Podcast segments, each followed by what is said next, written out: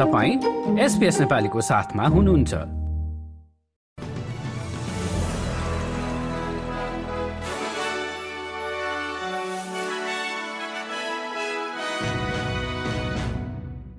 नमस्कार आज सोमबार पच्चिस डिसेम्बर सन् दुई हजार तेइस। अब पालो भएको छ एसबीएस नेपालीमा आजका प्रमुख अस्ट्रेलियन समाचारहरू सुन्ने र प्रसंग शुरू गरौं क्रिसमसबाट। प्रधानमन्त्री Anthony अल्बनिजीले New South Wales premier Chris मिन्सको उपस्थितिमा पश्चिमी सिडनीको एक्सोडस फाउन्डेशनमा घरबारविहीन मानिसहरूलाई खाना वितरण गरेका छन्। चाडबाडको समय भए तापनि यो धेरै अस्ट्रेलियनहरूका लागि कठिन घड़ी भएको भन्दै उनले बढ़दो जीवनयापनको लागत र युक्रेनमा जारी द्वन्दको सम्बोधनका साथ अस्ट्रेलियाभित्र यात्रा गरिरहेकाहरूलाई बाढ़ीबाट सावधान रहन चेतावनी दिएका छन्। क्वीन्सल्याण्डमा चक्रवात ज्यास्परले पुर्याएको क्षतिपछिको सरसफाई जारी रहँदा राज्यका बासिन्दाहरू क्रिसमसको दिनमा चट्याङबाट प्रभावित बन्न पुगेका छन्।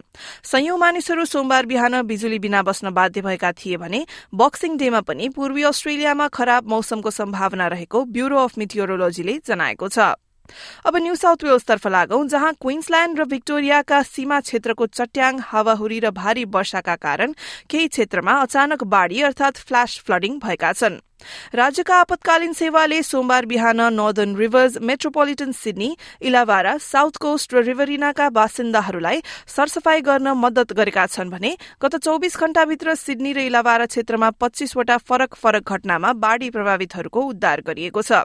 सिडनीको मेट्रोपोलिटन क्षेत्रबाट मात्रै सहयोगका लागि करिब तीन सय बाह्रवटा फोन कलहरू आइसकेको र त्यसको संख्या बढ़न सक्ने New South Wales State Emergency सर्भिसेसको भनाइ छ। यस क्रिसमस न्यू इयरको छुट्टीमा परोपकारी सेवाहरूको प्रयोग गर्ने मानिसहरूको संख्यामा ठूलो वृद्धि देखिएको छ।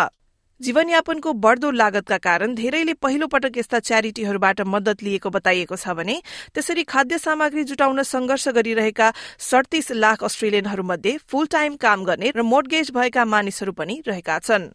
अब खेलकुदमा गाजामा जारी मानवीय संकटको बारेमा सचेतना फैलाउने अस्ट्रेलियन क्रिकेटर उस्मान ख्वाजाको प्रयासलाई इन्टरनेशनल क्रिकेट कोर्ट आईसीसीले अस्वीकार गरे तापनि टोलीका कप्तान प्याट कमिन्सले ख्वाजाको समर्थन गरेका छन्। आइतबार एमसीजीमा प्रशिक्षणको क्रममा ख्वाजाको दाहिने जुत्ता र ब्याटको पछाडि एक ढुकुरले जैतुन अर्थात ओलिभको हाँगा समातेको तस्विर देख्न सकिन्थ्यो जसलाई विश्वव्यापी रूपमा शान्तिको प्रतीकको रूपमा चिनिन्छ। ती तस्विर पाकिस्तान विरूद्धको टेस्ट म्याचमा प्रदर्शन गर्ने उनको आवेदनलाई आईसीसीले अस्वीकार गरेको हो।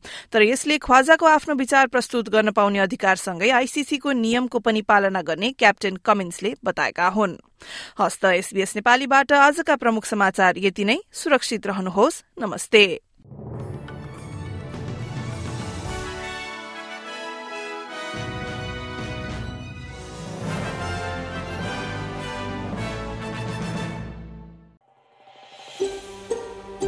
यो जस्तै अन्य प्रस्तुति सुन्न चाहनुहुन्छ? एप्पल पोडकास्ट गुगल पोडकास्ट स्पोटिफाईमा हामीलाई खोज्नुहोस् वा तपाईँले पोडकास्ट सुन्ने अन्य सेवामा।